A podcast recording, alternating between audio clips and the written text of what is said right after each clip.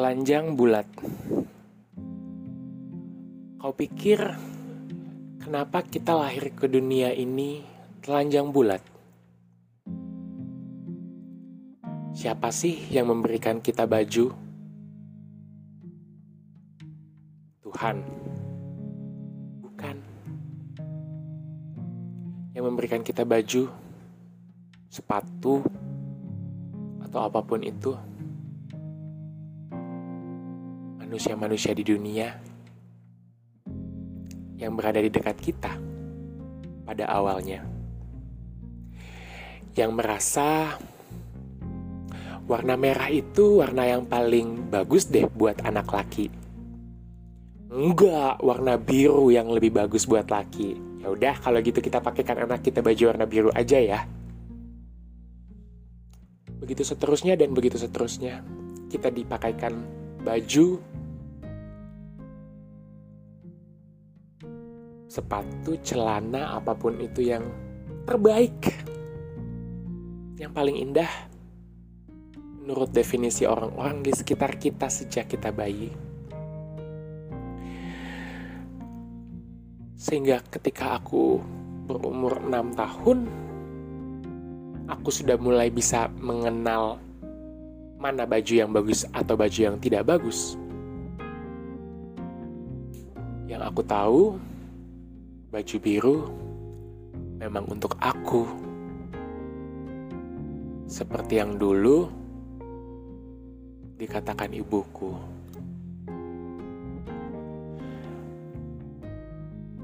Lalu aku berganti-ganti baju, warna, coba mengeksplor warna-warna yang lain. Terus aku mencoba eksplor warna yang lain.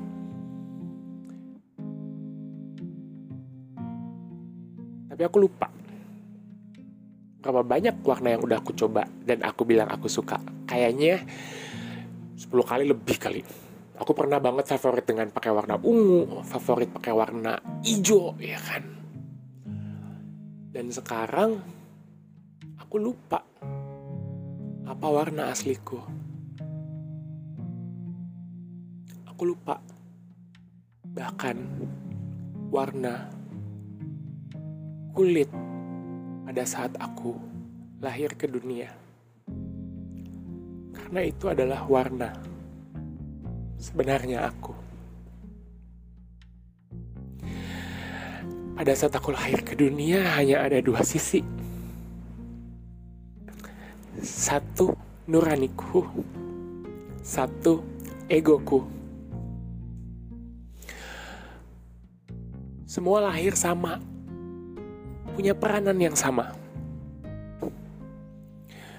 Tapi seiring berjalannya waktu ketika aku berusaha untuk mendengarkan si Nurani berbuat baik ketika aku masih kecil karena itu yang diperintahkan oleh orang tuaku. Dan kemudian aku mendapatkan kekecewaan, maka egoku mulai berperan sebagai pengacaraku dia mulai mencoba melindungi nuraniku. Hai Nurani, tenang.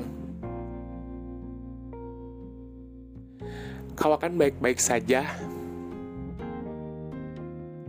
Aku akan membuatmu selalu terjaga sampai kita berdua mati. Aku akan rela Akulah ego yang rela dicaci maki seluruh dunia. Aku akan rela menjadi pelindungmu. Hari berganti, aku tambah dewasa, tambah dewasa. Ketika aku mendapatkan kesempatan di mana nuraniku kembali berperan gitu ya. Dan dia kemudian mendapatkan kekesalan lagi. Si egoku bilang sih lihat kan manusia semua sampah. Tenang nurani. Besok besok kita bikin mereka nangis. Nurani bilang gak usah lah ego. Gak usah. Mereka juga nanti akan ngerti kok Mereka juga nanti akan ngerti Bahwa aku Sebenarnya baik. Mereka semua baik. Ya. Tapi sepertinya Nuraniku tuh punya kepercayaan yang sangat shallow.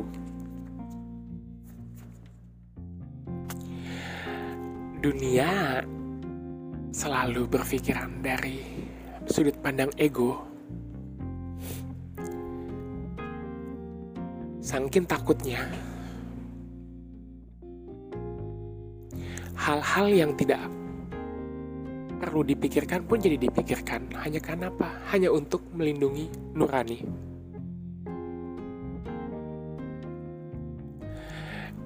Ego bergerak karena dia takut disakiti, bukan karena dia jahat.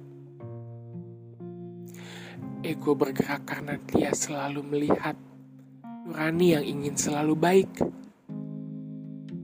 kepada semua orang,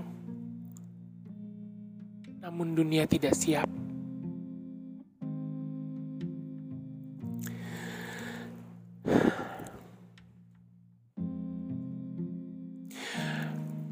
Sepuluh tahun umurku, 20 tahun umurku, badanku tambah besar ya kan. Semakin tertutup dengan kulit-kulit, lemak-lemak, ya kan. Dan pengalaman, kepandaian, yang ada ego dan nuraniku tertekan di paling dasar diriku. Aku sudah tidak bisa melihat mereka lagi. Sekarang, aku 36 tahun sekarang. Sehingga ketika egoku sebenarnya yang dalam sedang menggerakkan mulut, tangan, dan kakiku, aku berpikir aku memang begitu secara keseluruhan dari atas bawah. Aku memang jahat. Sama halnya ketika nuraniku yang menggerakkan semua ini. Aku cuma berpikir ya Adit itu memang baik gitu. Aku cuma pernah ingat sepertinya dulu aku bukan sendiri deh gitu. Adit bukan sendiri deh. Kayaknya dulu tuh Adit emang ada dua deh. Ada ego nurani, ego nurani, ego nurani. Tapi kok sekarang aku nggak ngeliat lagi ya. Aku hanya melihat itu sebagai satu kesatuan. Set, Adit. Ada nggak ego? Ada nggak nurani? Nggak ada. Adanya Adit. Sampai kejadian kemarin membuat aku sadar bahwa dalam diriku masih ada dua hal, ego dan nurani. Dan untuk kamu tanya, ego, mengapa kau begini? Nurani, mengapa kau begini? Langkah pertama yang harus kita lakukan adalah kembali telanjang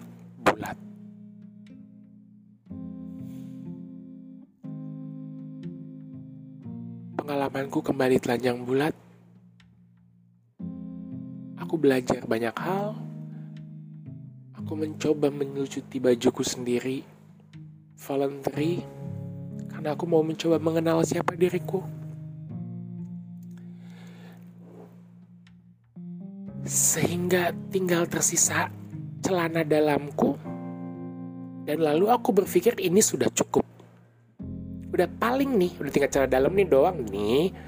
Udah dong udah balik ke telanjang bulat dong gue. Gue mau kenal lagi nih sama Ego dan Nurani deh sekarang.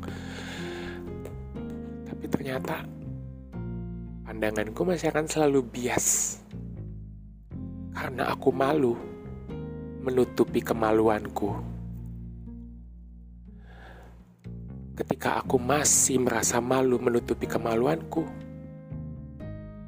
aku tidak bisa melihat ego, dan nuraniku. Aku punya sahabat. Namanya Aul. Suatu hari, dia selalu bilang, Dit lo gila ya. Lo gila-gila lo pengen kenal ego sama nurani sampai suka-suka telanjang-telanjang mulu. Ya nih bingung deh gue.